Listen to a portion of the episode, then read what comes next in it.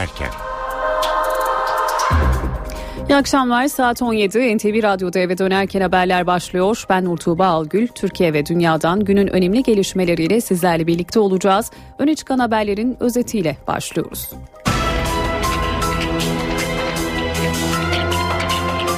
Ankara 15. İdare Mahkemesi Twitter'a erişimi engelleyen kararın yürütmesini durdurdu. Bazı hukukçulara göre bu kararla Twitter'ın hemen açılması gerekiyor. Bazı hukukçulara göre de 30 gün süre var. Bu arada Twitter şirketi de devreye girdi.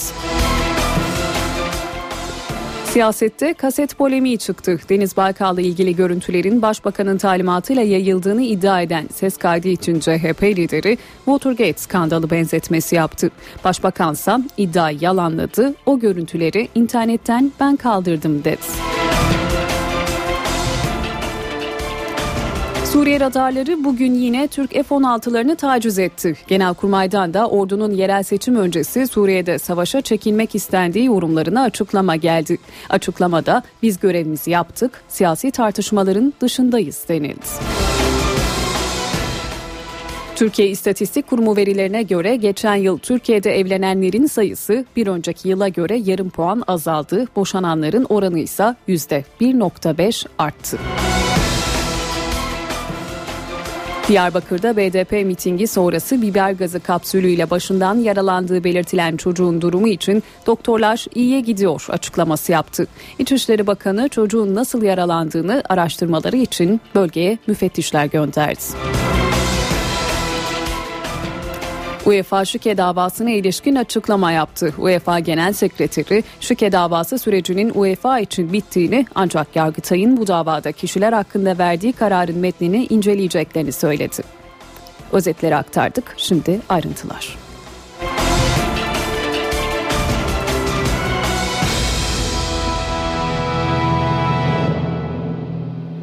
Twitter'a erişim yasağı bir hafta sonra kaldırıldı. Ankara 15. İdare Mahkemesi Twitter'a erişimin gerekçesiz olarak yasaklanmasının hukuk devleti ilkesine aykırı olduğuna hükmetti. Yasan yürütmesini durdurdu. Ayrıntıları NTV muhabiri Gökhan Gerçek'ten alacağız. Gökhan karar çıktı. Şimdi ne olacak ve Twitter ne zaman açılacak? Ankara 15. İdare Mahkemesi Twitter yasağını ortadan kaldıracak bir karara imza attı. Yapılan 6 ayrı başvuruyu bir araya getiren Mahkeme bugün kararını verdi ve Twitter yasağıyla ilgili yürütmeyi durdurmaya hükmetti. Avrupa İnsan Hakları Sözleşmesi ve anayasanın ilgili maddelerine bu yasağın aykırı olduğu vurgulandı kararda. Ee, Avrupa İnsan Hakları Mahkemesi ve anayasanın bu maddelerine göre haberleşme ve ifade özgürlüğü kamu otoritesi tarafından idare tarafından gerekçesi olarak engellenemez, sınırlanamaz denildi. Ulusal güvenlik toprak bütünlüğü suç işlenmesinin önlenmesi için ancak böyle bir sınırlamanın yapılabileceğinin vurgulandığı kararda bu koşullar oluşmadan yapılacak engelleme kişi hak ve özgürlüklerine, ifade özgürlüğüne aykırıdır vurgusu yapıldı.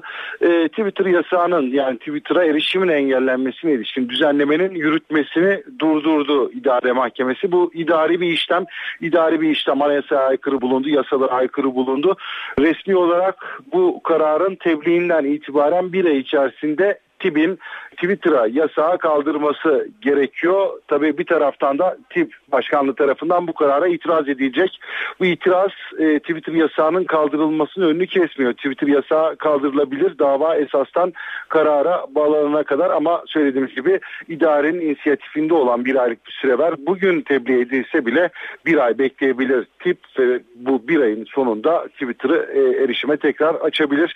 Bir taraftan da Twitter tarafından Türkçe bir tweet atıldı e, geçtiğimiz saatlerde ve e, mahkemeye başvuru yapıldığı vurgulandı. İdare Mahkemesi verdiği kararın hemen ardından Twitter'ın Türk e, avukatları tarafından mahkemeye başvuru yapıldı ve yasağın kaldırılması istendi. Şu vurguda yapıldı. Daha önce YouTube'da benzer bir cevap vermişti açılan bir davada. Twitter hiçbir kullanıcı IP'sini mahkemelerle ya da ilgili devletle paylaşmayacağını bir kez daha duyurdu. Evet, söylediğimiz gibi Twitter'a yasak kalkmış gibi görünüyor ama şu an son söz Telekomünikasyon İletişim Başkanlığı'nda 29 gün içerisinde yasağın kaldırıldığına ilişkin bu kararın uygulanması gerekiyor.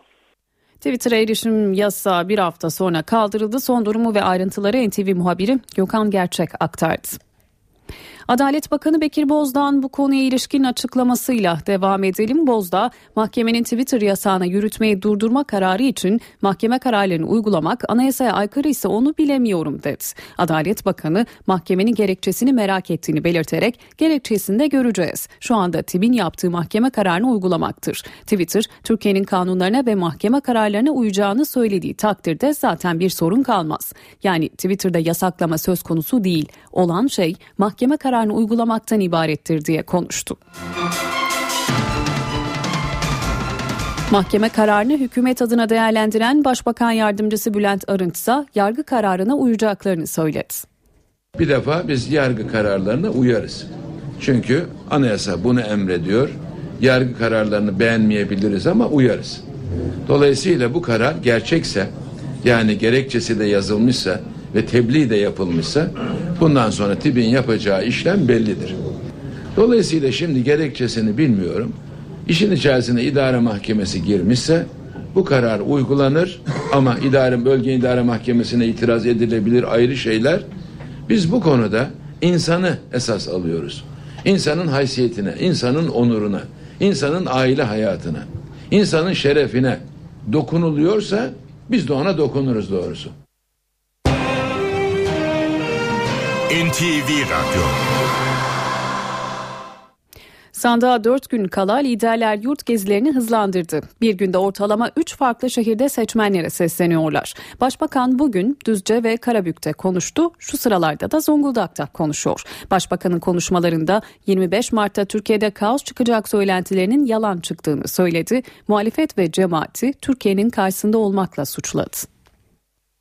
Dün için ne diyorlardı? Türkiye'de kaos olacak. 25 Mart kaos ne oldu? 17 Aralık dediniz olmadı.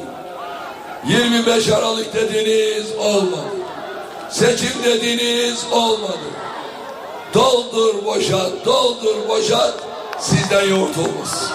Başbakan Recep Tayyip Erdoğan seçim çalışması kapsamında Düzce ve Karabük'te halka seslendi. Muhalefet ve cemaati Türkiye karşıtı olmakla suçladı.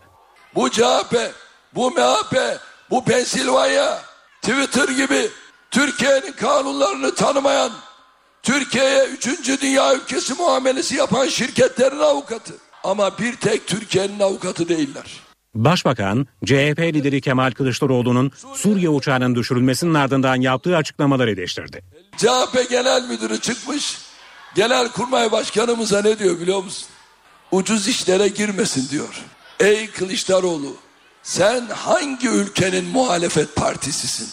Sen benim genel kurmay başkanıma bu şekilde bir yakıştırma yapamazsın. Önce haddini bileceksin.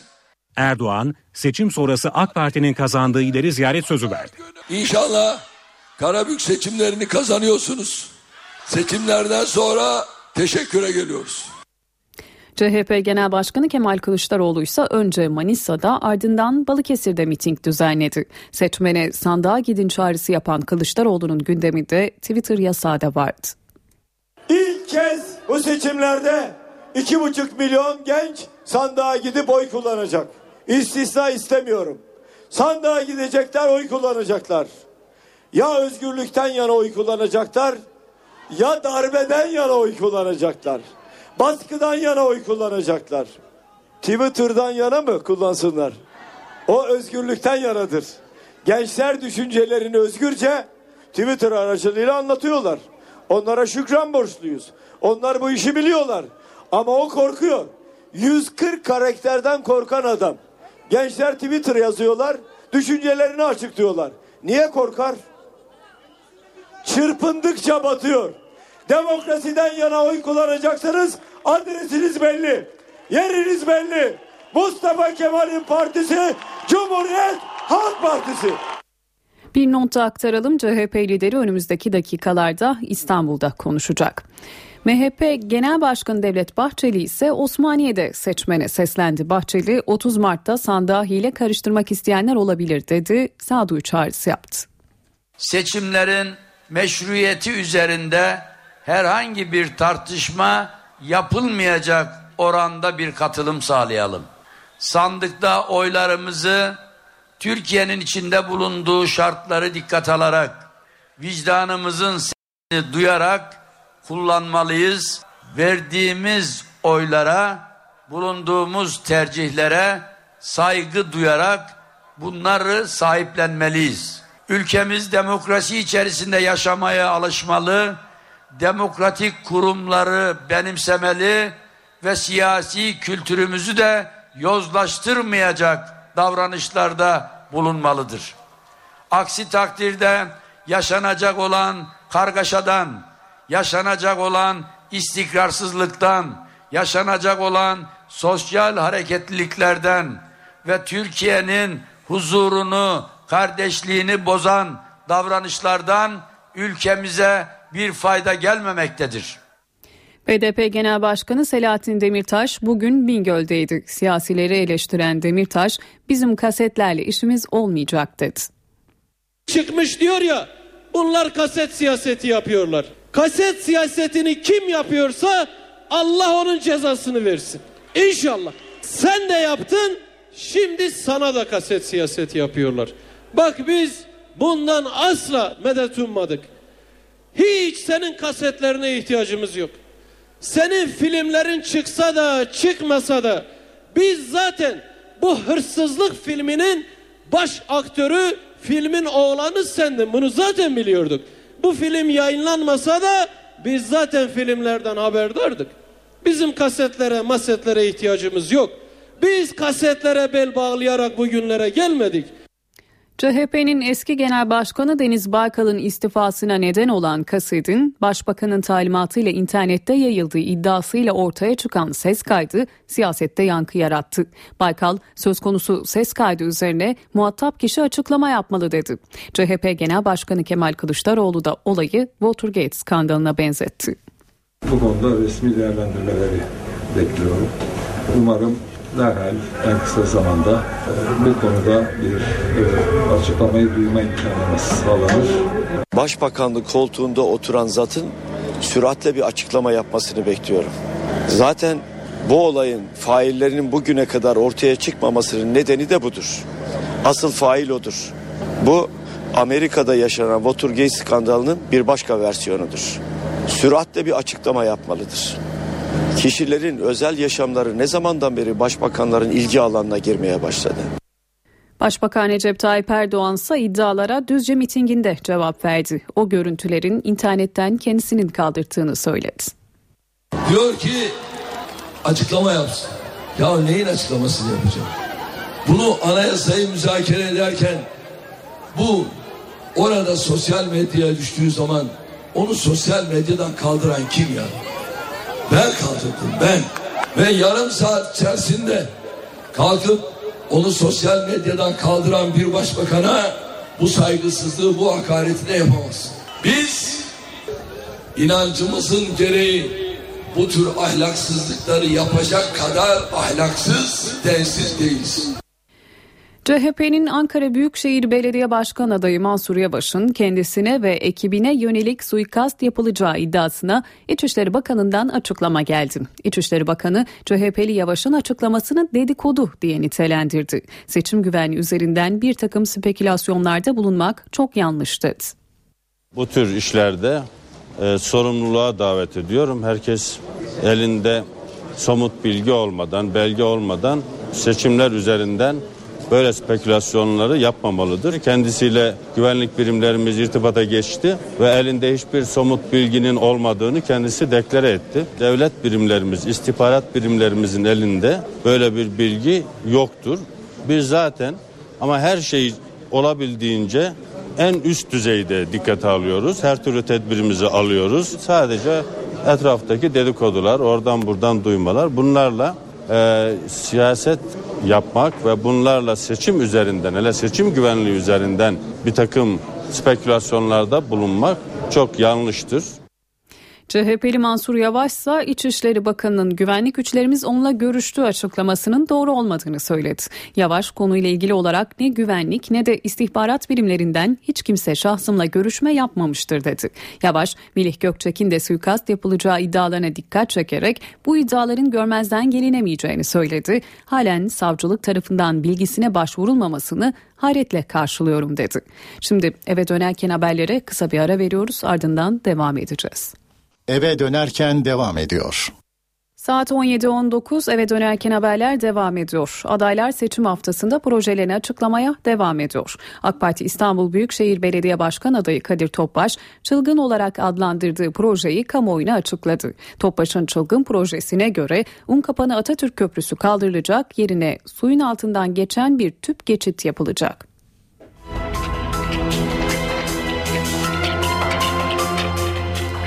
Topbaş'ın rakibi CHP'nin İstanbul Büyükşehir Belediye Başkan adayı Mustafa Sarıgül de NTV'nin sorularını yanıtladı bugün. Sarıgül seçilmesi halinde öğrenci ve öğretmene ulaşımın ücretsiz olacağını söyledi. Mustafa Sarıgül deprem riskine karşı mega kentteki tüm okulların elden geçirileceğini de vaat etti.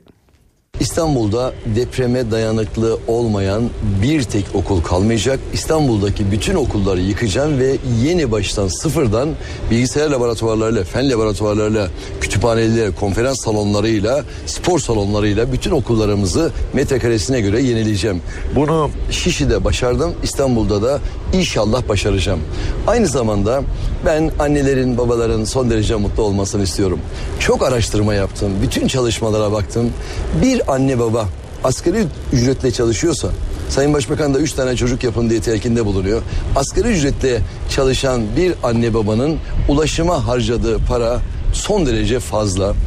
Bir üç tane öğrencisi okula gidiyorsa 300 TL mutlaka ulaşıma para harcaması lazım. Daha sabahleyin problem başlıyor. Çocuk diyor ki annesine anneciğim diyor yol parası. O yol parasını annesi veremiyor biliyor musunuz? Bunlar araştırmaları ben yaptım. İstanbul'da bütün ulaşım öğretmenlerimize ve bütün öğrencilerimize, öğretmenlerimize yıl boyu, öğrencilerimize okul açıldığı günden bittiği güne kadar İstanbul Büyükşehir Belediye'mizin bütün ulaşımları ücretsiz olacak. Bir de mutlaka öğretmenlerimizin ben konut sorunlarını çok sembolik bir rakamla çözeceğim. Dönemim süresi içerisinde 5 yıllık süre içerisinde mutlaka ve mutlaka bütün meslektaşlarımın konut sahibi yapacağım ve tapularını sembolik rakamlarla vereceğim.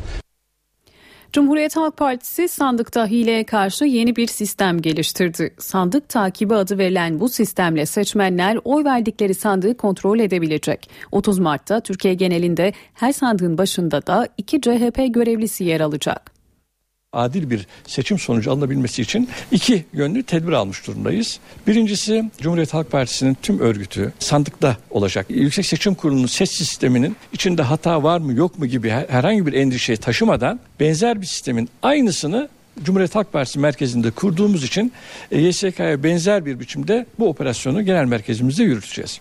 CHP sandık sonuçlarının Yüksek Seçim Kurulu'na yanlış girilmesi olasılığına karşı harekete geçti. Genel Başkan Yardımcısı Emran Alıcı Başkanlığındaki ekip yeni bir yazılım geliştirdi. Uygulamayla Türkiye'deki her sandığın başında bekleyecek iki CHP görevlisi sonuçları anında genel merkeze iletecek. Bu sonuçlar partinin sandık takip sistemine girilecek. Böylece Yüksek Seçim Kurulu sonuçlarıyla karşılaştırma yapılabilecek. Sadece partililer değil, her seçmen oy verdiği sandığı CHP'nin internet sitesi üzerinden kontrol edebilecek. Bu kontrol işlemine vatandaşlarımız da geliştirdiğimiz uygulama sayesinde katılabilecekler. E, gündüz oy kullandılar. Bu sonuçları hangi parti veya partiler ilgi duyuyorlarsa bir kağıda not edebilirler. Eğer cep telefonları fotoğraf çekme özelliğine sahipse bunun fotoğrafını çekebilirler ve akşam internet olan bir yere gittiklerinde CHP'nin sitesine girerek aldıkları notu GSK'nın e, belirlediği e, sonuçla kıyaslayacaklar. CHP vatandaşlara belirledikleri hataları, dilekleri parti veya kuruma iletmeleri çağrısı da yapıyor. Bu arada Avrupa Konseyi Ankara'nın seçime gözlemci davetine olumsuz yanıt verdi. Hükümetin 30 Mart'ta yapılacak seçimler için geçen hafta Avrupa Konseyi'ne yaptığı davet geç geldiği gerekçesiyle geri çevrildi. Avrupa Konseyi seçimleri yerinde gözlemlemek için Ankara'ya aylar öncesinde başvurmuştu. Ankara ise başvurunun ardından geçtiğimiz hafta konseye davet göndermişti. Düşürülen Suriye uçağının ardından basında yer alan silahlı kuvvetler yerel seçim öncesi savaşa çekiliyor yönündeki haberlerle ilgili Genelkurmay Başkanlığı bir açıklama yaptı. İddialar gerçek dışıdır. Ordu kendisine verilen yetkiyi kullandı denilen açıklamada yerel seçim öncesinde Türk Silahlı Kuvvetleri'nin siyasi konuların içine çekilmeye çalışıldığı belirtildi. Türk Silahlı Kuvvetleri siyasi tartışmaların ve konuların dışında kalan hukukun üstünlüğüne inanan duruşunu muhafaza etmekte kararlıdır denildi. Türkiye'nin Suriye sınırında hareketlilik sürüyor. Bugün yine Suriye radarları Türk F-16'larına kilitlendi ve Türk uçakları taciz edildi. Kesep kasabasında ise rejim güçleri ve muhalifler arasındaki çatışmalar 6. gününe girdi. Yayladağ'ın karşısındaki kasabadan bu sabah yine silah ve top sesleri yankılandı. Sınır hattından son durumu NTV muhabiri Özden Erkuş'tan dinliyoruz. Hatay'ın Yayladağ ilçesinin hemen karşısında yer alan Suriye'ye ait Kesep kasabasına yönelik muhaliflerin başlattığı saldırının 6. günü de geride kalmak üzere Kesep kasabasından önceki günlerde olduğu gibi top sesleri gelmeye devam ediyor. Kasabanın kontrolü muhaliflerde ancak bombardıman sürüyor top sesleri. Bulunduğumuz Yayladağ sınır kapısında rahatlıkla duyulabiliyor. Dünden farklı olarak helikopterler bugün sıklıkla helikopter sesi de duyuyoruz. Sınır kapısında zaman zaman helikopterler muhaliflerin mevzilerine varil bombası bırakıyor. Karşılıksa uçak savarlarla veriliyor çatışmaların yoğunlaştığı bir başka bölge ise Laskiye istikametindeki Samra kasabası. Esad güçlerinin hava savunma sistemlerinin de bulunduğu Samra kasabasına muhaliflerin yaklaştığı bilgisi ve orada çatışmaların yoğunlaştığı bilgisi de var. Dün gece Reyhanlı sınırındaki Beş Aslan köyünün karşısında bulunan Harin kasabasına ilişkin de dikkat çekici bir not var elimizde. Rejim güçlerinin İdlib bölgesine ateşlediği füze dün gece geç saatlerde Harin kasabasına isabet etti. Edinilen bilgiye göre çok sayıda ölü ve yaralı var bu patlamanın dolayısıyla. Ee, bir yandan da Hatay'da e, yerel seçim temasları için Bülent Arınç Başbakan Yardımcısı Bülent Arınç bazı temaslarda bulundu ve Niğde'deki terör saldırısına değindi. Geldiğimiz noktada örgütün adını biliyoruz ama daha sonraki operasyonların sağlığı için adını zikretmeyeceğim ama Esad'ın yanında yer aldıklarını, Esad'dan eğitim aldıklarını biliyoruz açıklaması yaptı. Ve az önce de Genelkurmay Başkanlığı yine sıcak bölgeye ilişkin bir açıklama yaptı ve yine Türk uçaklarının e, taciz edildiğini açıkladı Genelkurmay Başkanlığı. 3 e, uçağın e, Türkiye sınırına yine yaklaştığını, bunun üzerine de 6 F-16 uçağının yine sınır bölgesine yönlendirildiğini ancak söz konusu hava araçlarının sınıra 1.8-2.2 deniz milikala geri dönerek bölgeden uzaklaştığı belirtildi açıklamada ve bu görev sırasında 3 F-16 uçağının Hatay üzerindeyken Suriye'de konuştu bulunan SA-2, SA-5 ve SA-17 karadan havaya füze sistemleri tarafından toplam 5 dakika 10 saniye süreyle radar kilidini muhafaza etmek şekliyle 11 defa taciz edildiği belirtildi. Genelkurmay Başkanlığı'ndan yapılan açıklama bu yöndeydi. Kısaca hatırlatmak gerekir yine dün de Türk Silahlı Kuvvetleri'ne ait 5 F-16 10 dakika 53 saniye boyunca 12 kez yine Suriye topraklarındaki füze sistemleri tarafından taciz edilmişti. Özden Erkuş, NTV Radyo, Hatay Yayla'da. Kesep'teki çatışmalarla ilgili Dışişleri Bakanlığı'ndan bir açıklama geldi. Bakanlık, Türkiye'nin Kesep kasabasındaki çatışmalar sürerken muhalif güçlere topraklarını kullandırarak destek sağladığı yönündeki iddiaların gerçek dışı olduğunu bildirdi. Bakanlık, muhalefetin Türkiye'nin verdiği destekle Kesep kasabasında yaşayan Suriyeli Ermenileri öldürdüğü iddialarına da tepki gösterdi. Açıklamada Suriyeli Ermenilerin ülkemize kabul edilebileceği ve bu kişilere koruma sağlanabileceği hususunda Birleşmiş Milletler'e bildirimde bulunduk denildi.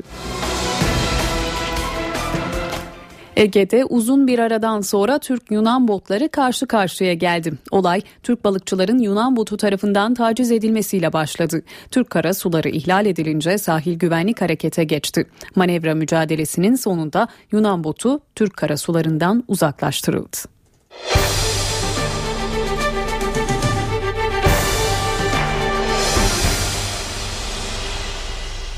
Diyarbakır Silvan'da dün akşam BDP mitingi sonrası polisin göstericilere müdahalesi sırasında 10 yaşında bir çocuk başından yaralandı. Ailesi çocuğun başına isabet eden gaz kapsülüyle yaralandığını söyledi. Hastanede yoğun bakımda tutulan Mehmet Ezer'e geçmiş olsun diyen İçişleri Bakanı da kentte inceleme yapması için müfettiş gönderdiği haberini verdi.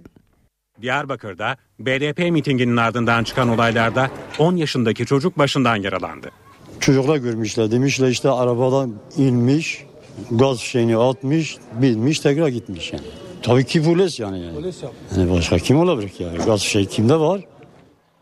Ailenin iddiasına göre çocukların başına gaz kapsülü isabet etti.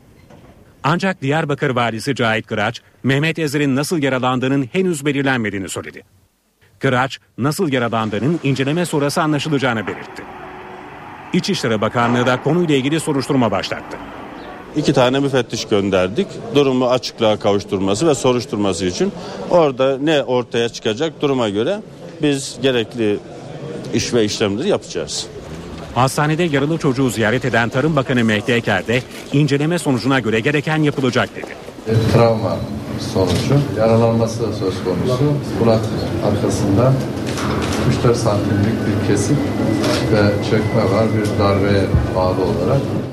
Tedavisi Dicle Üniversitesi Hastanesi'nde devam eden küçük çocuk hayati tehlikeyi atlattı.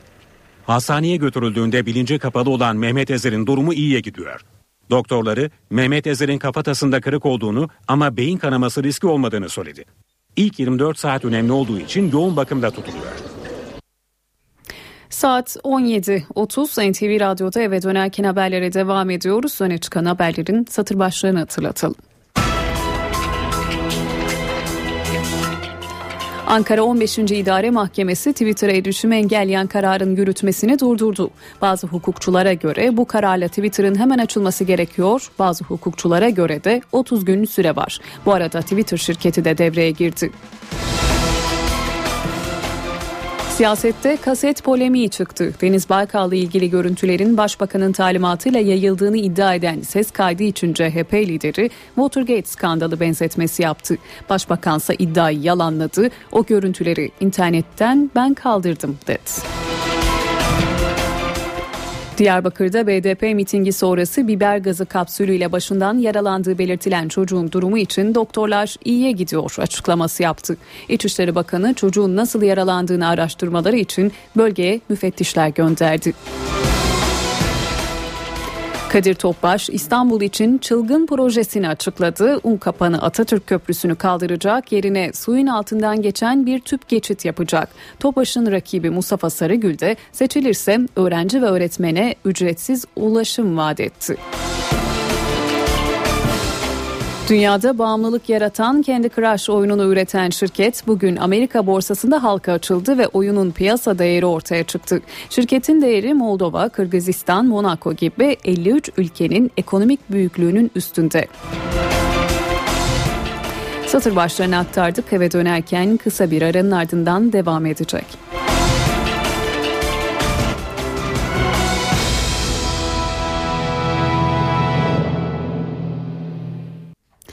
Saat 17.34 NTV Radyo'da eve dönerken haberler spor bülteniyle devam ediyor. Sözü NTV Radyo servisinden Volkan Küçük'e bırakıyoruz. Spor haberleri başlıyor.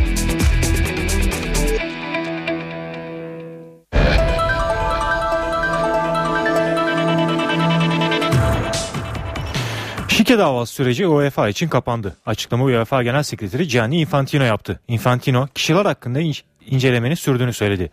UEFA Disiplin Kurulu'nun Beşiktaş'a bir yıl, Fenerbahçe'de iki yıl Avrupa Kupalarından men cezasını verdiğini hatırlatan Infantino, Fenerbahçe aleyhindeki şike davası sürecinin UEFA için sona erdiğini ifade etti. Infantino, Yargıtay'ın şike davasında kişiler hakkında verdiği kararı ise inceleyeceklerini söyledi. Galatasaray'daki kötü tablo teknik direktör Mancini'nin sinirlerini bozdu. İtalyan teknik adam Bursa Spor maçı sonrası basın toplantısında sarı kırmızılı takıma bir proje için geldiğini ama sabır gösterilmediğinden yakındı. Mancini gerekirse görevi bırakabileceğini de vurguladı. Giocata abbiamo fatto due gol, poi abbiamo sbagliato altri gol. Siamo un po' sfortunati ultimamente, quindi facciamo degli errori e paghiamo. Questo è il calcio. Oynadık, iki golümüzü attık, ondan sonra golleri kaçırdık. Fakat daha sonra büyük hatalar yaptık ve golleri yedik. E, futbol bu. Posso andare via domani mattina, non ho nessun tipo di problema, anche stasera. Non ho assolutamente problema. Yarın sabah da gidebilirim, bu akşam da gidebilirim. Bu aslında bir sorun değil. Galatasaray Chelsea karşılaşmasına kadar iyi oynadı. Chelsea Chelsea'ye karşı kötü oynadık ve mağlubiyeti hak ettik. Ondan sonraki Kayseri Spor karşılaşması farklı galibiyetimizle bitebilirdi ama futbolda bu oluyor. Kaybettik. Bu maçı da biz yine kazanabilirdik. Bunu da kaybettik. E, fakat ben buraya gelirken hani ciddi bir şekilde çalışmak için buraya geldim. Önce bunu anlamak lazım. Yoksa gitmek kolay. Bu akşam da gidebilirim. Yarın sabah da gidebilirim. Ama sizden bunu da anlamanızı bekliyorum. Basın mensuplarının arasında da e, doğruyu yazmayan, yanlış bilgiler veren arkadaşlarınız var. Benim e, oyuncularla aramda bir problem olduğunu yazıyorsunuz. Böyle bir şey doğru değil. Böyle bir şey yok. Dolayısıyla bu tür haberleri yazanların, bu tür doğru olmayan şeyleri yazanların ve dürüst davranmayanların belki de mesleğini değiştirmesi gerekecek. Oyuncularla benim aramda bir sorun yok. Eğer oyuncuların kendi arasında, Türk oyuncularla yabancı oyuncular arasında bir sorun varsa bunu oyunculara sormanız lazım. Ama ben öyle bir şey görmüyorum. Eğer böyle bir şey varsa bu zaten benden öncesinden de olması gereken bir şeydir. Fakat oyuncular bana karşı ve kendi birbirleri aralarında olması gerektiği gibi davranıyorlar. Ve ben de antrenör olarak tercihlerimi buna göre yapıyorum zaten. E, benim gitmemi isteyen taraftarlar olabilir. Ben herkesin fikrine saygı duyuyorum. Kabul etmesem de, doğru bulmasam da fikirlere saygı duyuyorum. Aynı şekilde benim yaptıklarıma, fikirlerime de saygı duyulmasını istiyorum. Ben buraya gelirken e, bana söylenen burada çok zor bir projenin olduğu, kötü bir sezonun devam etmekte olduğu ve geleceğin takımına yatırım yapmak için bir şeyler kurmak için buraya davet edildiğimi biliyorum. Kolay bir karar değildi. Çünkü geçmişimdeki kariyerden sonra Türkiye Ligi gibi daha az izlenen bir lige gelmek kolay bir karar değildi. Fakat geleceğin takımını kurma düşüncesi beni cezbetti açıkçası. Ben de bunun için kabul ettim buraya geldim. Fakat burada görüyorum ki bir takım şeyleri kurabilmek için uygun ortam görünmüyor. Hata yapmış olabilirim. Hata yaptığımdan dolayı da yarın sabah da buradan gidebilirim. Bu sorun değil ama işte sayıda oyuncuları 22-21 yaş ortalaması 21.5'a gelen bir şey. Ben geleceğin takımını kuralım diye bir proje için buraya gelmiştim. Yaptıklarımız buydu. Ama şuna da e, şunu da çekmek zorunda değilim. Sürekli buraya gelip taraftarın tepkisini, küfürlerini dinlemek zorunda da değiliz. Benim için sorun değildir. Gidebilirim. Yarın sabah valizlerimi toplayıp gidebilirim. Galatasaray'da üst üste alınan kötü sonuçlar sonrası istifanın eşiğine gelen teknik direktör Roberto Mancini'ye takım içinden destek var. Burak Yılmaz ve Selçuk İnan önderliğindeki futbolcular İtalyan teknik adamla görüşerek birlik beraberlik mesajı verdi. Galatasaray Teknik Direktörü Roberto Mancini'ye yerli oyunculardan destek geldi. Türkiye Kupası'ndaki Bursa Spor beraberliği sonrası istifa sinyalleri veren İtalyan teknik adam Florya Metin Oktay tesislerinde moral buldu. Burak Yılmaz ve Selçuk İnan Mancini'ye giderek görüşme talebinde bulundu.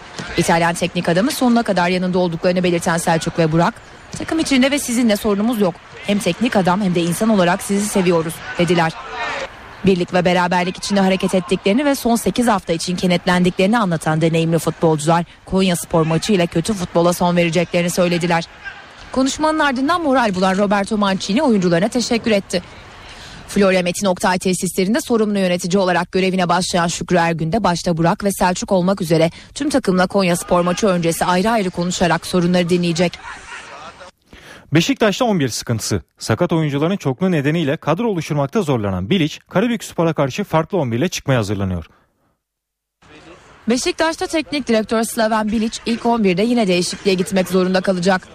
Ligin 27. haftasında Karabük Spor'la karşılaşacak olan siyah beyazlı takımda sakat oyuncuların sayısının artması Hırvat teknik adamı farklı kadro tercihlerine yönlendiriyor. İki hafta önce Gökhan Tören'in sakatlanması sonrası Bilic son maçta orta sahanın sağında Holosko'ya şans vermişti. Ancak Slovak futbolcunun Akisar Belediyespor mücadelesinde sakatlanması ve sezonu kapatması siyah beyazların 11'inin yine değişmesine neden olacak. Slaven Bilic ligin ikinci yarısında sadece Eskişehir spor maçında 15 dakika forma giyen Kerim Fray'ı bu bölgede kullanabilir. Kerim'in maç eksiği olması Bilic'i düşündürürken Hırvat çalıştırıcı antrenmanlarda farklı alternatifler üzerinde de duruyor. Bilic son haftaların formda ismi Mustafa Pekteme'yi sağ kanatta oynatarak Almeida'yı tek forvet olarak sahaya sürmenin hesaplarını da yapıyor. Hırvat teknik adam ayrıca Uğur Boral'ın sol bekte, Motta'nın orta sahanın solunda, Olcay'ın sağ kanatta görev yapmasını da tercih edebilir. Bilic ayağındaki sorun nedeniyle ameliyat olan Ersan Gülüm'ün yokluğunda defansı Dani ve Franco ikilisinden oluşturacak. Sergen Yalçın resmen Gaziantep Spor'dan ayrıldı. NTV Spor'a konuşan kulüp başkanı İbrahim Kızıl, Yalçın'ın şehirden sıkıldığı için ayrılmak istediğini söyledi. Karar Gaziantep Spor'un internet sitesinden de duyuruldu.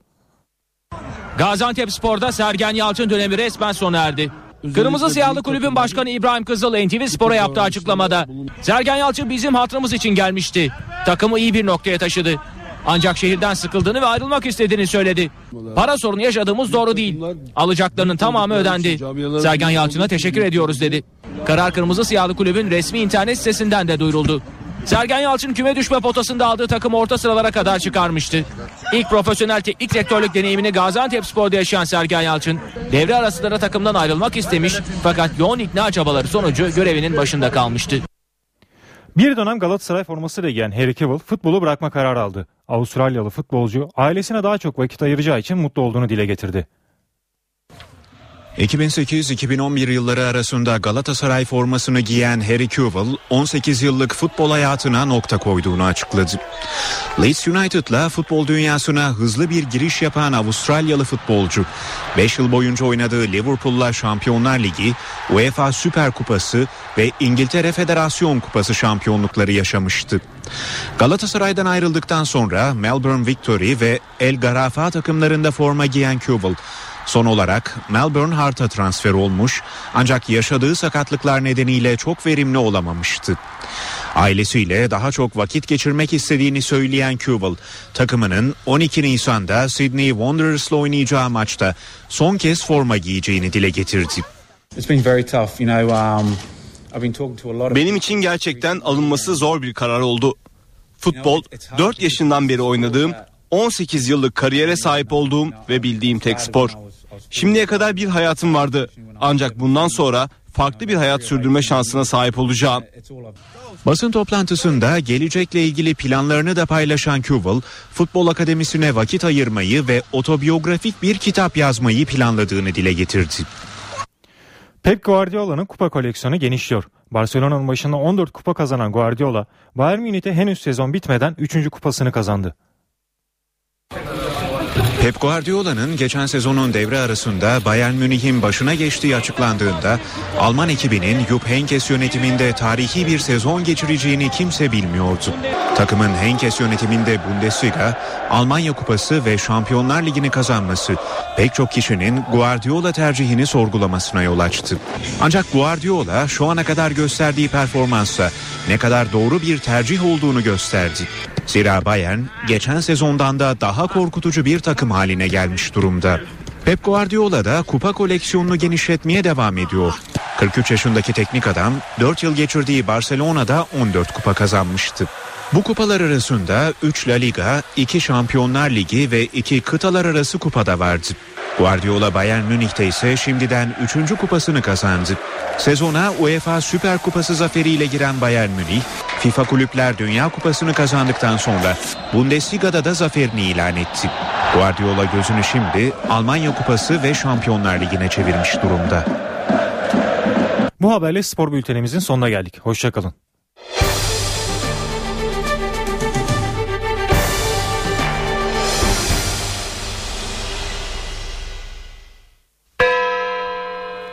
Eve dönerken haberlerde para ve sermaye piyasalarındaki işlemlere bakalım. Borsa İstanbul şu sıralarda 67.241 seviyesinde. Serbest piyasada dolar 2 lira 19 kuruş, euro 3 lira 3 kuruştan işlem görüyor. Kapalı çarşıda ise Cumhuriyet altını 629, çeyrek altın 151 liradan satılıyor.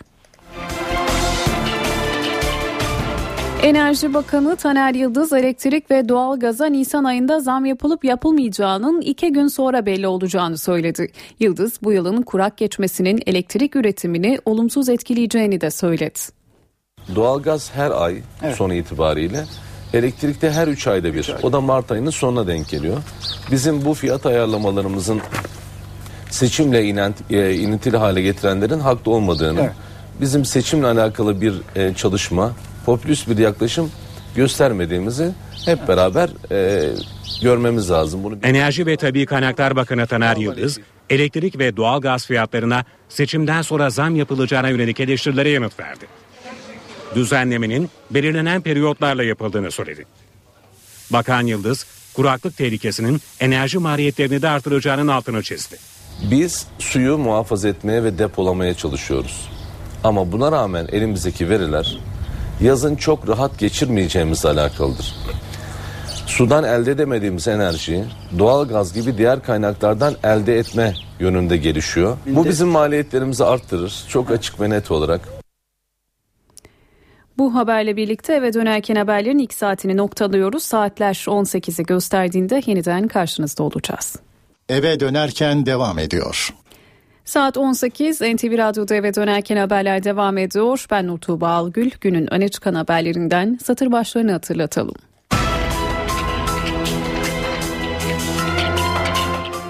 Ankara 15. İdare Mahkemesi Twitter'a erişim engelleyen kararın yürütmesini durdurdu.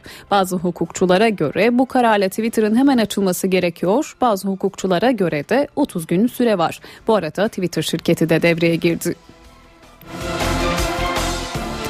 Siyasette kaset polemiği çıktı. Deniz Baykal'la ilgili görüntülerin başbakanın talimatıyla yayıldığını iddia eden ses kaydı için CHP lideri Motorgate skandalı benzetmesi yaptı.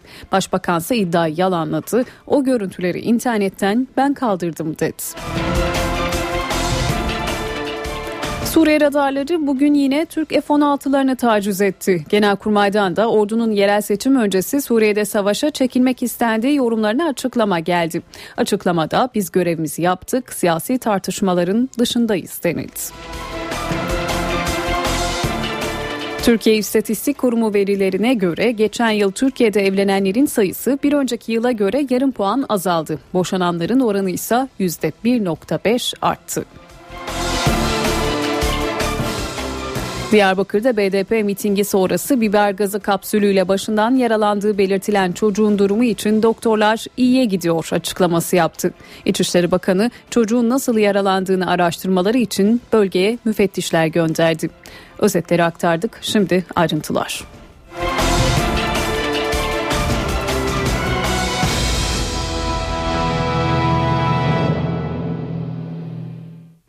Twitter'a erişim yasağı kaldırıldı. Ankara 15. İdare Mahkemesi Twitter'a erişimin gerekçesiz olarak yasaklanmasının hukuk devleti ilkesine aykırı olduğuna hükmetti. Yasağın yürütmesini durdurdu.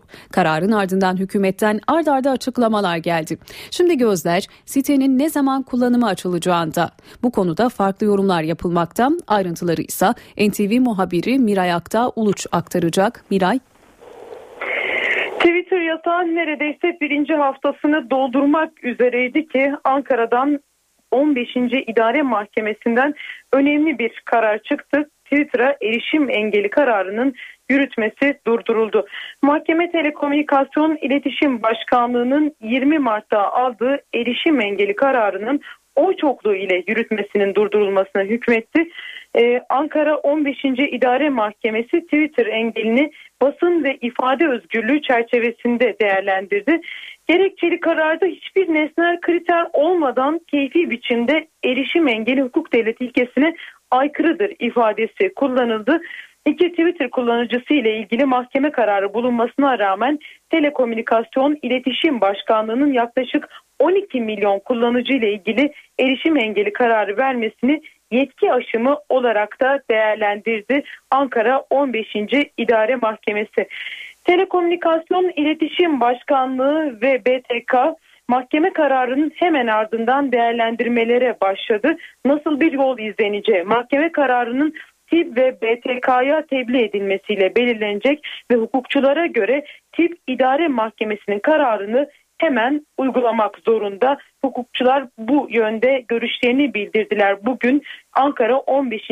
İdare Mahkemesi'nin kararının ardından Başbakanlık ve Adalet Bakanlığı kaynakları da bu konuya ilişkin bugün değerlendirmelerde bulundular. İdare Mahkemesi kararının TİP tarafından uygulanması için 30 gün süre olduğunu düşünüyor. Hem hükümet kaynakları ve Adalet Bakanlığı, Başbakanlık aynı şekilde TİB'in bu karara karşı bu süre içinde Bölge İdare Mahkemesi'ne başvurma hakkı da var. E, bu yöndeki durdurma kararına bir itiraz da edebilir. Telekomünikasyon İletişim Başkanlığı Bölge İdare Mahkemesi'nin kararı ise kesin karar hükmünde olacak gibi görünüyor. Eğer tip bu yönde bir başvuru yaparsa. Hükümetten de tabii bugün karara yönelik gelen değerlendirmeler vardı. Adalet Bakanı Bekir Bozdağ bir açıklama yaptı ve Telekomünikasyon İletişim Başkanlığı'nın yaptığının mahkeme kararlarını uygulamak olduğunu söyledi. Kapatma kararının mahkeme kararları sonucu alındığını ifade etti. Mahkeme kararlarını uygulayan bir idari işlemin anayasaya aykırılığının nasıl değerlendirmiş gerekçesiyle göreceğiz dedi ve gerekçesinin incelenmesi gerektiğine dikkat çekti. Başbakan yardımcısı Bülent Arınç'tan da bir değerlendirme geldi ve e, yürütmeyi durdurma kararı ile ilgili olarak biz yargı kararlarına uyarız. Yargı kararlarını beğenmeyebiliriz ama uyarız. Bu karar gerçekse ve gerekçesi yazılmışsa TİB'in bundan sonra yapacağı bellidir diyerek aslında e, artık yürütmeyi durdurma kararını yani Twitter'ın yeniden açılabileceğine işaret etti. Ee, Başbakan Yardımcısı Bülent Arınç da yaptığı açıklamada. Tabii Türkiye'den gelen, hükümetten, e, Adalet Bakanlığı'ndan gelen açıklamalar bu şekildeydi. Ve tam da bu sıralarda Twitter'dan da bir açıklama geldi. Twitter'ın resmi sitesinden e, Türkçe ve İngilizce olan yapılan e, olarak yapılan açıklamalar vardı. Twitter erişime engelin erişim engelinin kaldırılması için mahkemeye başvurduğunu duyurdu. E, Twitter'ın yaptığı açıklamada erişim engelinin dayanağını oluşturan 3 hesabın incelendiği vurgulandı. Twitter'ın kendi kurallarıyla da çelişen içeriye sahip 2 hesabın kapatıldığı belirtildi. Eski bir bakan hakkında yolsuzluk iddialarının yer aldığı 3. Twitter hesabının da ifade özgürlüğü dikkate alınarak kapatılmadığının altı çizildi.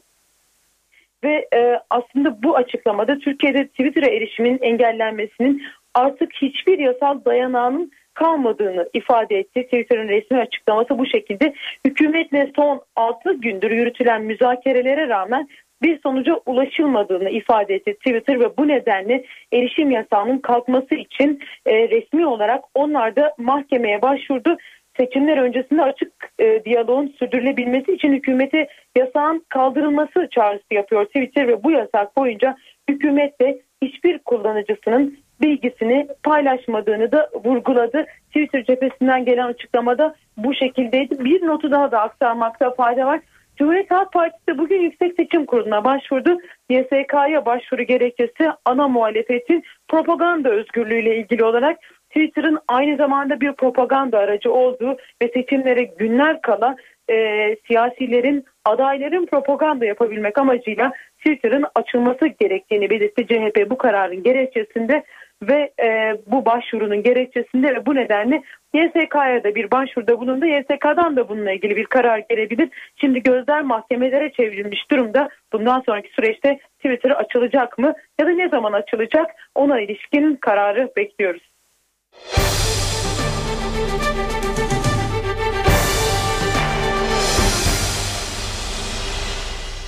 Sandığa 4 gün kala liderler yurt gezilerini hızlandırdı. Bir günde ortalama 3 farklı şehirde seçmenlere sesleniyorlar.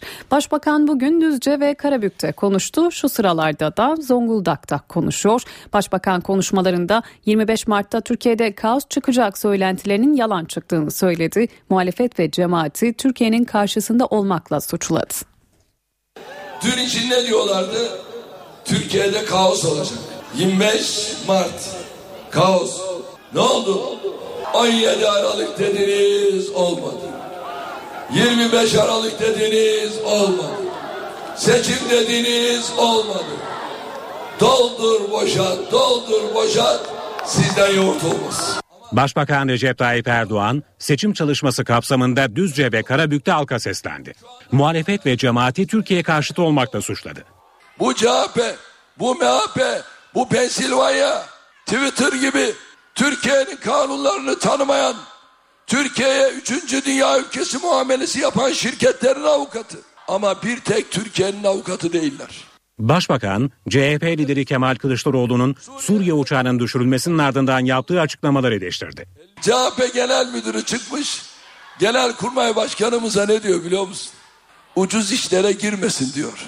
Ey Kılıçdaroğlu, sen hangi ülkenin muhalefet partisisin? Sen benim genel müdür, genel kurmay başkanıma bu şekilde bir yakıştırma yapamazsın. Önce haddini bileceksin. Erdoğan seçim sonrası AK Parti'nin kazandığı ileri ziyaret sözü verdi. İnşallah Karabük seçimlerini kazanıyorsunuz. Seçimlerden sonra teşekküre geliyoruz. CHP Genel Başkanı Kemal Kılıçdaroğlu ise önce Manisa ardından Balıkesir'de konuştu. Seçmene sandığa gidin çağrısında bulundu. Twitter'a erişimin engellenmesini eleştiren CHP lideri gençlere ya özgürlükten ya da baskıdan yana oy kullanın diye seslendi. Diyorlar ki efendim şu CHP var ya CHP bu iktidar olursa dolar füze gibi fırlar. Niye fırlasın? Son iki yılda dolar yüzde yirmi devalüasyona uğradı. Devalüa edildi. Kim vardı iktidarda? Bu yok muydu? Şimdi onun faturasını da bize çıkarmak istiyor. Hep mağdurları oynuyor. CHP lideri Kemal Kılıçdaroğlu Manisa ve Balıkesir'de miting düzenledi. Hedefinde Başbakan Erdoğan vardı. Kılıçdaroğlu kalabalığa siyasette bahar temizliği yapın diye seslendi. Ve istiyorum ki bu ülkede huzur olsun, barış olsun, siyasette temizlik olsun. Hesap vermeyi namuslu görev kabul etsin. Siyasette de bir bahar temizliği yapacak mısınız? Söz mü? Şu kirli insanları şöyle bir süpürgeyle süpürün. Sandıkta süpürelim. CHP Genel Başkanı Twitter'a erişim yasağına da değindi. Ya özgürlükten yana oy kullanacaklar ya darbeden yana oy kullanacaklar. Baskıdan yana oy kullanacaklar. Twitter'dan yana mı kullansınlar? O özgürlükten yanadır. Gençler düşüncelerini özgürce Twitter aracılığıyla anlatıyorlar. Ama o korkuyor. Niye korkar? Çırpındıkça batıyor. Bir not aktaralım. CHP lideri önümüzdeki dakikalarda da İstanbul'da konuşacak. MHP Genel Başkanı Devlet Bahçeli memleketi Osmaniye'de seçmene seslendi. Bahçeli 30 Mart'ta sandığa hile karıştırmak isteyenler olabilir dedi. Sağduyu çağrısı yaptı. Seçimlerin meşruiyeti üzerinde herhangi bir tartışma yapılmayacak oranda bir katılım sağlayalım. Sandıkta oylarımızı Türkiye'nin içinde bulunduğu şartları dikkat alarak vicdanımızın sesini duyarak kullanmalıyız. Verdiğimiz oylara, bulunduğumuz tercihlere saygı duyarak bunları sahiplenmeliyiz. Ülkemiz demokrasi içerisinde yaşamaya alışmalı, demokratik kurumları benimsemeli ve siyasi kültürümüzü de yozlaştırmayacak davranışlarda bulunmalıdır. Aksi takdirde yaşanacak olan kargaşadan, yaşanacak olan istikrarsızlıktan, yaşanacak olan sosyal hareketliliklerden ve Türkiye'nin huzurunu, kardeşliğini bozan davranışlardan ülkemize bir fayda gelmemektedir. CHP'nin Ankara Büyükşehir Belediye Başkan adayı Mansur Yavaş'ın seçim öncesi Ankara'ya silahlı provokatörler geleceği suikast planlandığı iddiasına İçişleri Bakanı dedikodu cevabı verdi. Bakanın bu sözlerine CHP adayı Mansur Yavaş tepki gösterdi. Yüzden fazla silahlı provokatörün Ankara'ya getirildiği, sandıkların açılması ve sayım aşamasında kargaşa yaratıp seçimlerin sabote edileceği bilgisine ulaşılmıştır. Herkes elinde somut bilgi olmadan, belge olmadan e, seçimler üzerinden böyle spekülasyonları yapmamalıdır. CHP'nin Ankara Büyükşehir Belediye Başkan adayı Mansur Yavaş'ın iddiasına yanıt İçişleri Bakanı Efkan Ala'dan geldi. Seçime sayılı günler kala siyasette yeni bir tartışmanın da fitili ateşlendi. Sadece etraftaki dedikodular, oradan buradan duymalar bunlarla e, siyaset yapmak ve bunlarla seçim üzerinden hele seçim güvenliği üzerinden bir takım spekülasyonlarda bulunmak çok yanlıştır. Efkan Ala güvenlik birimlerinin Mansur Yavaş'la irtibata geçtiğini söyledi. Ve elinde hiçbir somut bilginin olmadığını kendisi deklare etti. Devlet birimlerimiz, istihbarat birimlerimizin elinde böyle bir bilgi yoktur. Mansur Yavaş ise bu açıklamayı yalanladı. Konuyla ilgili olarak ne güvenlik ne de istihbarat birimlerinden hiç kimse şahsımla görüşme yapmamıştır dedi. Yavaş, Melih Gökçe'nin suikast yapılacağı iddialarının görmezden gelinemeyeceğini belirterek halen savcılık tarafından bilgisine başvurulmamasını hayretle karşılıyorum dedi. Eve dönerken haberlere kısa bir ara veriyoruz ardından devam edeceğiz.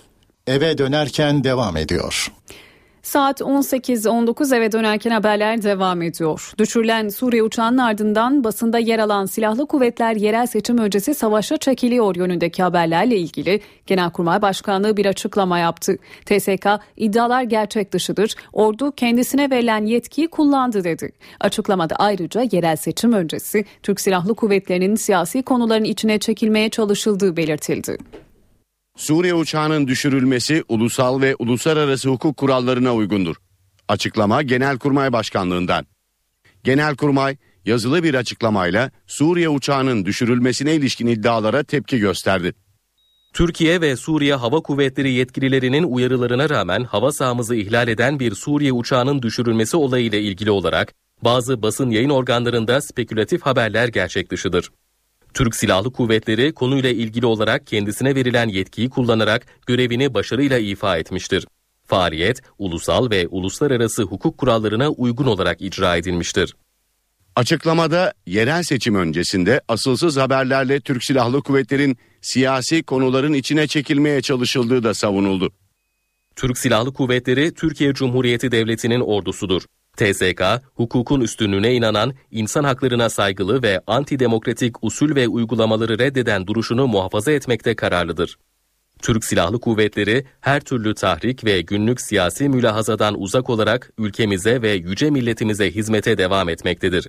Güç ve kudretinden hiçbir şey kaybetmemiştir. Açıklamada Türk Silahlı Kuvvetleri'nin Süleyman Şah Saygı Karakolu hariç Suriye topraklarında herhangi bir birliği bulunmadığı da belirtildi. Bu arada Suriye'ye ait radarlar bugün yine Türk F-16'larını taciz etti. Genelkurmay Başkanlığı'ndan yapılan açıklamaya göre Suriye ordusuna bağlı 3 uçak ve helikopterin Türkiye sınırına yaklaşması üzerine 6 F-16 savaş uçağı Yayladağ bölgesine yönlendirildi. Ancak Suriye hava araçları sınıra 2 deniz mili kala geri döndü. Bu görev sırasında Türk F-16'larına Hatay üzerindeyken Suriye'de konuşulan radarlar toplam 5 dakika 10 saniye süre kilitlendi. Dışişleri Bakanlığı Suriye'nin Kesep kasabasında süren çatışmalarda muhalif güçlere yardım edildiği ve bu destekle oradaki Ermenilerin öldürüldüğü iddialarına tepki gösterdi. Bakanlık iddialar gerçek dışıdır dedi. Hariciye Suriyeli Ermenilerin ülkemize kabul edileceği ve bu kişilere koruma sağlanabileceği konusunda Birleşmiş Milletler'e bildirimde bulunduk dedi. İstanbul Ümraniye'de Irak Şam İslam Devleti örgütüne yönelik operasyon düzenleyen ekiplere ateş açıldı. 3 polis hafif yaralandı. Biri kadın, iki şüpheli ise yaralı olarak yakalandı. İçişleri Bakanı zanlıların Suriye'deki terörist gruplarla ilişkili olduklarını düşündüklerini söyledi. El-Kaide bağlantılı Irak Şam İslam Devleti örgütüne yönelik araştırma yapan polis, Ümraniye'de bazı adreslere baskınlar düzenledi. Polise ateş açıldı. 15 dakika süren çatışma sonunda zanlılar Kenan T ile eşi Elif T yaralı olarak yakalandılar. Tedavileri süren zanlılardan Kenan T yoğun bakımda. Aynı adreste aranan diğer şüphelinin ise yurt dışında olduğu iddia ediliyor. Terörist diye adlandıracağımız kişiler de var. Onlar da Suriye'den.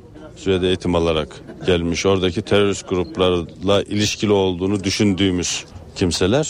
İstanbul Emniyet Müdürlüğü çatışma çıkan evde bir tabanca, bir uzun namlulu silah ve bir adet el bombası bulunduğunu açıkladı. Irak Şam İslam Devleti da Türkiye'nin gündeminde.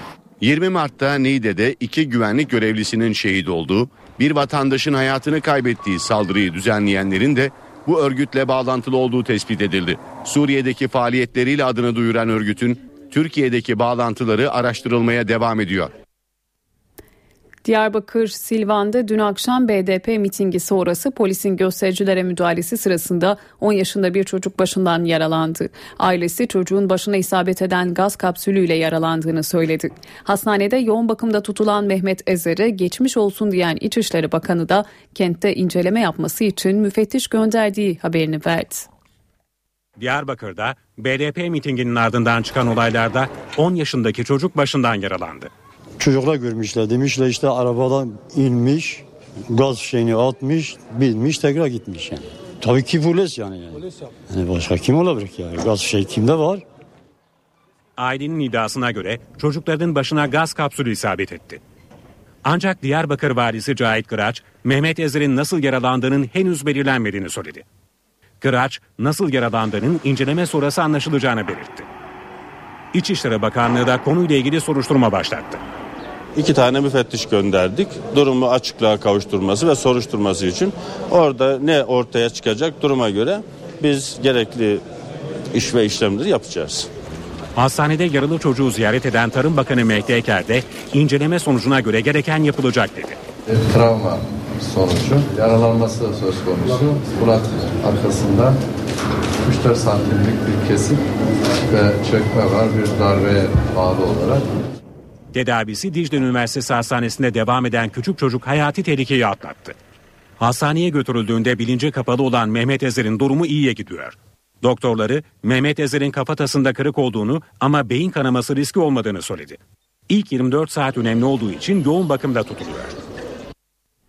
ÖSYM yüksek öğretime geçiş sınavı sorularını gizlilik kararına rağmen paylaşan bazı kuruluşlar ve web siteleri hakkında suç duyurusunda bulundu. Soruları paylaşanlar 2 yıldan 5 yıla kadar hapis cezasıyla cezalandırılabilecek. ÖSYM, yüksek öğrenime geçiş sınav sorularının kamuoyunca öğrenilmemesi konusunda kararlı. Sınav sonrası sadece 32 soruyu internetten duyuran ÖSYM, bu sorular haricindeki soruları paylaşan bazı kuruluşlar ve internet siteleri hakkında suç duyurusunda bulundu. Ölçme, Seçme ve Yerleştirme Merkezi önce uyguladığı sınavlara ait soru ve cevapları Bilgi Edinme Kanunu kapsamından çıkardı ve Teşkilat Kanunu'nda yer alan gizli bilgi kapsamına soktu. Ardından da sınavdan sonra akılda kalan soruların adaylar tarafından sosyal paylaşım sitelerinde paylaşılmasının suç oluşturacağını açıkladı. Buna göre soruları yayınlayanlar ve paylaşanlar ÖSYM Teşkilat Kanunu'nda yer alan gizli bilgilerin temin suçunu işlemiş sayılacaklar. Soruları paylaşan veya yayınlayan kişi ve kuruluşlar 2 yıldan 5 yıla kadar hapis cezası ile cezalandırılabilecekler.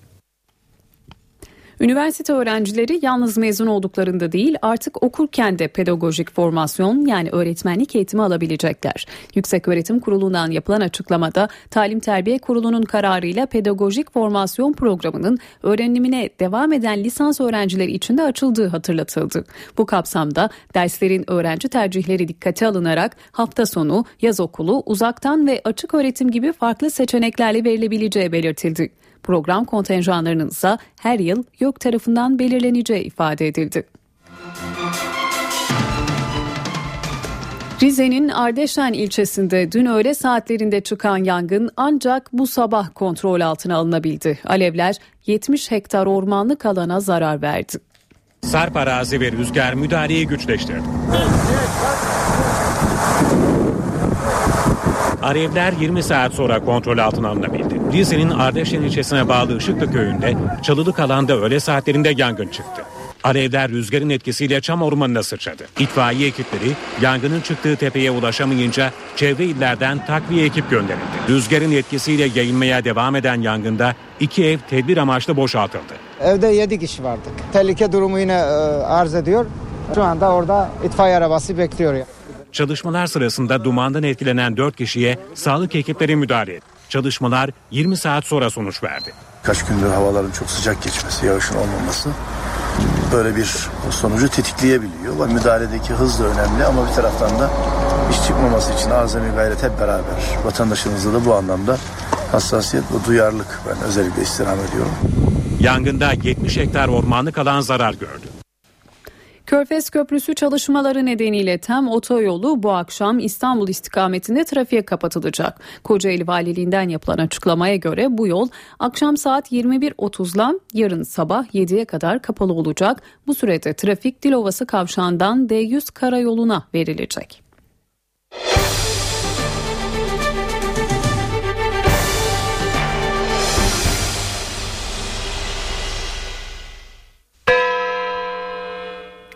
Para ve sermaye piyasalarındaki işlemlere bakalım şimdi de. Borsa İstanbul günü 67.731 puandan tamamladı. Serbest piyasada dolar 2 lira 19 kuruş, euro 3.03'ten işlem gördü. Kapalı çarşıda ise Cumhuriyet altını 629, çeyrek altın 150 liradan satıldı.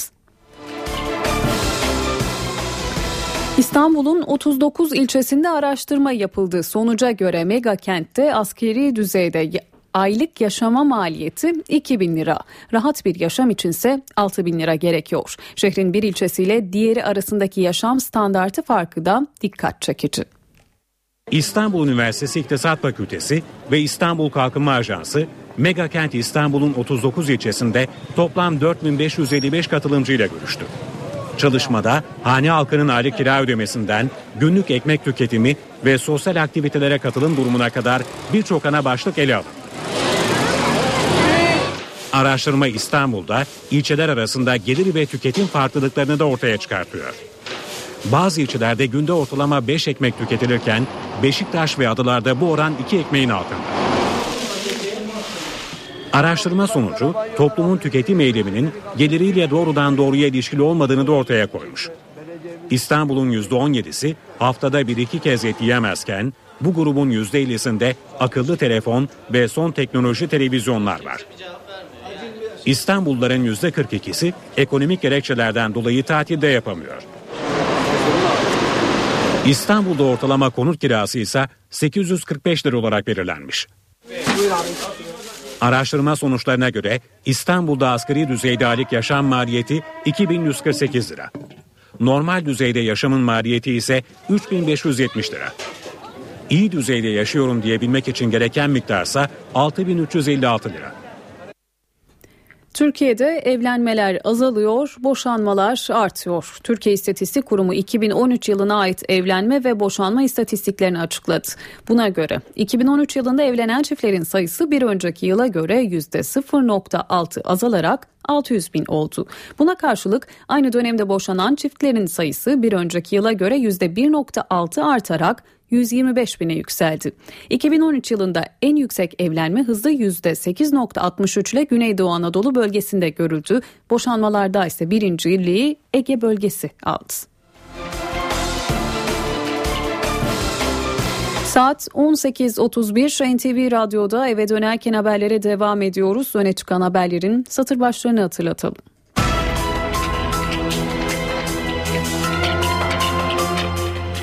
Ankara 15. İdare Mahkemesi Twitter'a erişimin gerekçesiz olarak yasaklanmasının hukuk devleti ilkesine aykırı olduğuna hükmetti. Yasan yürütmesini durdurdu. Twitter'dan da bir açıklama geldi. Şirket yönetimi erişim engelinin kaldırılması için mahkemeye başvurulduğunu duyurdu. Açıklamada Twitter hiçbir kullanıcının bilgisini hükümetle paylaşmadı denildi. Siyasette kaset polemiği çıktı. Deniz Baykal'la ilgili görüntülerin başbakanın talimatıyla yayıldığını iddia eden ses kaydı için CHP lideri Watergate skandalı benzetmesi yaptı. Başbakansa iddiayı yalanladı. O görüntüleri internetten ben kaldırdım dedi.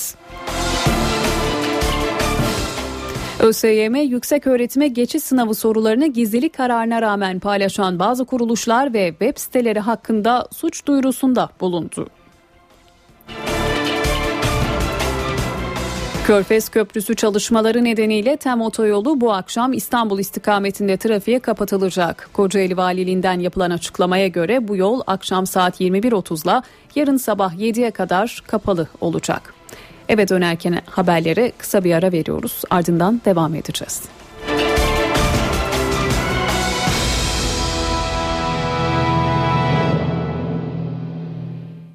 Saat 18.37 eve dönerken haberler devam ediyor. Amerika Birleşik Devletleri Başkanı Barack Obama Brüksel'de Amerika Avrupa Birliği zirvesine katılıyor. Zirvede Ukrayna konusunda Rusya ile yaşanan kriz, Avrupa'nın Rusya'ya olan enerji bağımlılığı, Washington'ın Avrupalı liderleri de içeren dinleme programı ve ekonomik ilişkiler konuşuldu. Ayrıntıları NTV temsilcisi Güldener Sonumut anlatacak. Güldener, zirve sonrasında bir açıklama yapıldı mı neler söylendi senden dinliyoruz.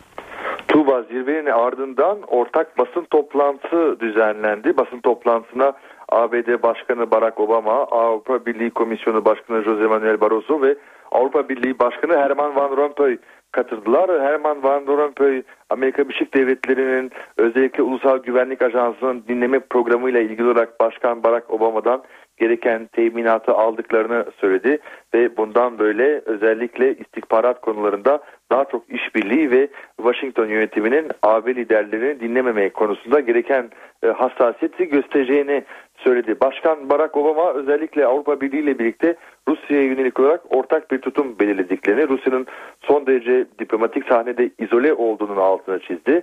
G7, G8'den Rusya'yı kovarak G7 toplantısının Haziran ayında Brüksel'de yapılacağını ve Rusya'nın böylelikle neleri kaçırdığını anlayacağının altını çizdi ve Rusya'ya yönelik olarak yaptırımların kademeli olarak artacağını, Rusya'nın uluslararası toplulukla ilgili olarak işbirliğinde bulunmaması halinde yaptırım listesinin artacağını söyledi.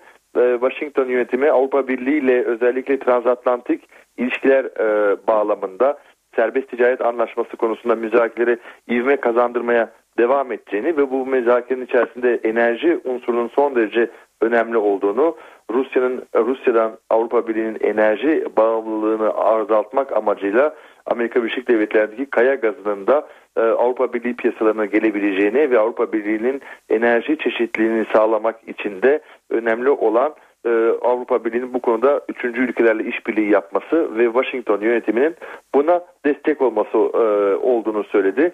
Avrupa Komisyonu Başkanı Manuel Barroso da özellikle Nabucco projesinin yeniden canlanacağının altını çizdi ki bu Ankara için de son derece önemli bir unsur. Transatlantik ilişkilerin e, ticari boyutunda yıl sonuna kadar bir anlaşmanın sağlanabileceğini ve Avrupa Birliği olarak da Ukrayna'ya sahip çıkacaklarını, Kırım'ın ilhak edilmesini tanımayacaklarını ve Rusya'ya yönelik olarak çok uzun bir yaptırım listesinin bulunduğunu, bunları adım adım hayata geçirme konusunda son derecede kararlı olduklarının da altını çizdi Tuğba. Brüksel'de düzenlenen Amerika Avrupa Birliği zirvesine ilişkin son bilgileri NTV temsilcisi Güldener Sonumut aktardı. Obama'nın Avrupa gezisi bir skandala sahne oldu. Hollanda'daki güvenlik zirvesinde Obama'yı korumakla görevli bir gizli servis ajanı Amsterdam'da sarhoş yakalandı. Hem sarhoş ajan hem de ona engel olamayan yanındaki iki yetkili disiplin cezası aldı. Ajanlar derhal ülkelerine gönderildi.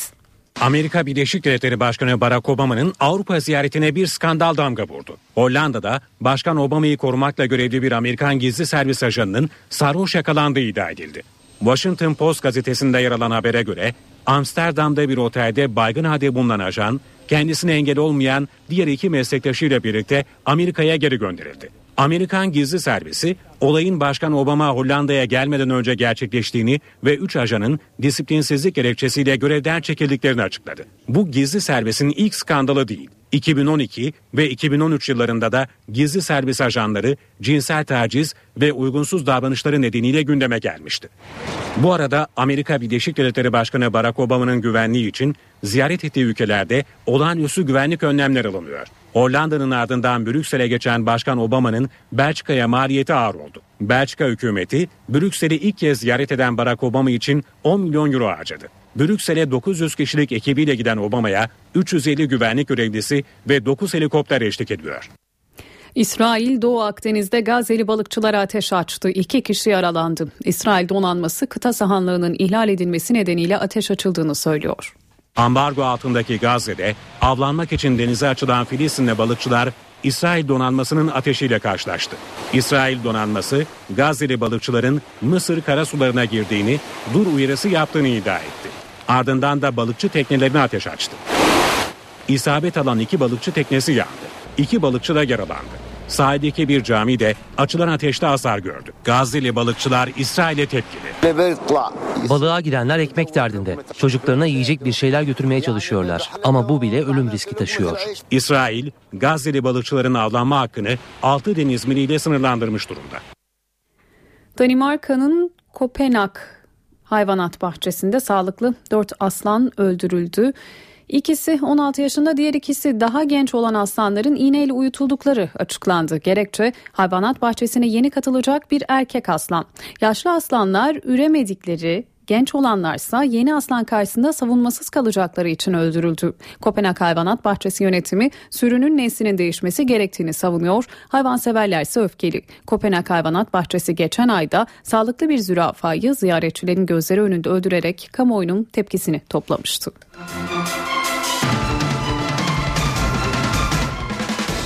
Dünyada bağımlılık yaratan internet oyunu Candy Crush bugün Amerika borsasında halka açıldı ve oyunun piyasa değeri ortaya çıktı. İnternetteki popüler oyunun üreticisi King için hisse başına 22,5 dolar fiyat açıklandı. Buna göre şirketin değeri 7,6 milyar dolara ulaşıyor. 180 oyuna ev sahipliği yapan King şirketi gelirinin %80'ini Candy Crush üzerinden elde ediyor ve şirketin değeri Moldova, Kırgızistan, Monaco gibi 53 ülkenin ekonomik büyüklüğünün üstünde.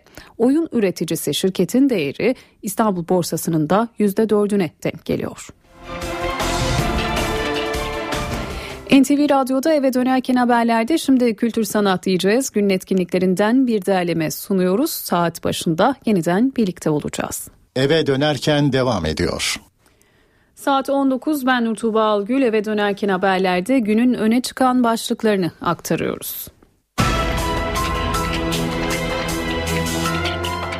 Ankara 15. İdare Mahkemesi Twitter'a erişimi engelleyen kararın yürütmesini durdurdu. Bazı hukukçulara göre bu kararla Twitter'ın hemen açılması gerekiyor. Bazı hukukçulara göre de 30 gün süre var. Bu arada Twitter şirketi de devreye girdi. Şirket yönetimi erişim engelinin kaldırılması için mahkemeye başvurulduğunu duyurdu. Açıklamada Twitter hiçbir kullanıcının bilgisini hükümetle paylaşmadı denildi. Liderler seçim gezilerinde Başbakan Erdoğan bugün Düzce, Karabük ve Zonguldak'ta seçmene seslendi. 25 Mart'ta Türkiye'de kaos çıkacak söylentilerinin yalan çıktığını söyleyen Başbakan, muhalefet ve cemaati Türkiye'nin karşısında olmakla suçladı. Erdoğan, CHP lideri Kemal Kılıçdaroğlu'nun Suriye uçağının düşürülmesinin ardından yaptığı açıklamalara da tepki gösterdi. Ey Kılıçdaroğlu, sen hangi ülkenin muhalefet partisisin diye sordu. CHP lideri Kemal Kılıçdaroğlu Manisa ve Balıkesir'de konuştu. Seçmene sandığa gitme çağrısı yapan Kılıçdaroğlu Twitter'a erişimin engellenmesini eleştirdi. Gençler ya özgürlükten ya da baskıdan yana oy kullanın dedi. CHP lideri önümüzdeki dakikalarda da İstanbul'da seçmenine seslenecek. MHP lideri Devlet Bahçeli ise memleketi Osmaniye'de konuştu. Seçmene sağduyu çağrısı yaptı. Oylarınıza sahip çıkın dedi. Suriye radarları bugün yine Türk F-16'larını taciz etti. Genelkurmay'dan da ordunun yerel seçim öncesi Suriye'de savaşa çekilmek istendiği yorumlarına açıklama geldi. Açıklamada biz görevimizi yaptık, siyasi tartışmaların dışındayız denildi. Bir açıklamada Dışişleri Bakanlığı'ndan geldi. Bakanlık Suriye'nin Kesep kasabasında süren çatışmalarda muhalif güçlere yardım edildiği ve bu destekle oradaki Ermenilerin öldürüldüğü iddialarına tepki gösterdi.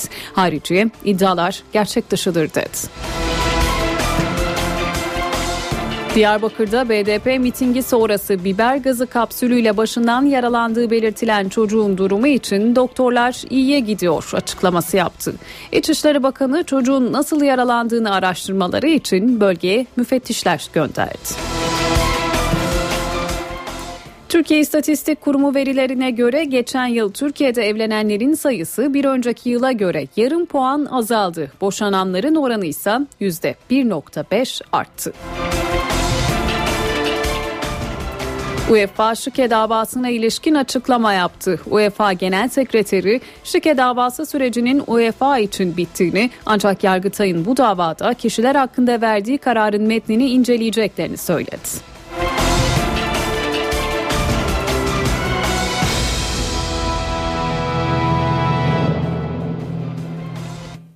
İstanbul genelinde trafik bilgisini aktarıyoruz. Öncelikle köprü geçişlerine göz atalım. Saat 19.03 itibariyle Avrupa Anadolu geçişlerinde birinci köprüde yoğunluk başladı. Mecidiyeköy'de trafik başlıyor ve köprü çıkışından Altunizade'ye kadar devam ediyor. Yine Boğaziçi Köprüsü'nde Anadolu'dan Avrupa'ya geçişte ise trafik akıcı diyebiliriz. Fatih Sultan Mehmet Köprüsü'ne baktığımızda ise trafik Hastal'dan başlıyor, Tem Hastal'dan başlıyor ve köprü girişine kadar devam ediyor. İstanbul genelinde ise şu an itibariyle iki hasarlı trafik kazası mevcut. D100 Beylikdüzü Büyükçekmece yönü trafik kazası hasarlı bir şerit trafiğe kapalı ekip sevk edildi. Tem Mahmut Bey Tekstil Kent yönünde de trafik kazası var. Yine bir şerit trafiğe kapalı. NTV Radyo'nun yayını kısa bir aranın ardından Cem Dizdar ve Gürcan Bilgiç'in yorumculuğunu yaptığı Çift Forvet programıyla devam edecek. İyi akşamlar.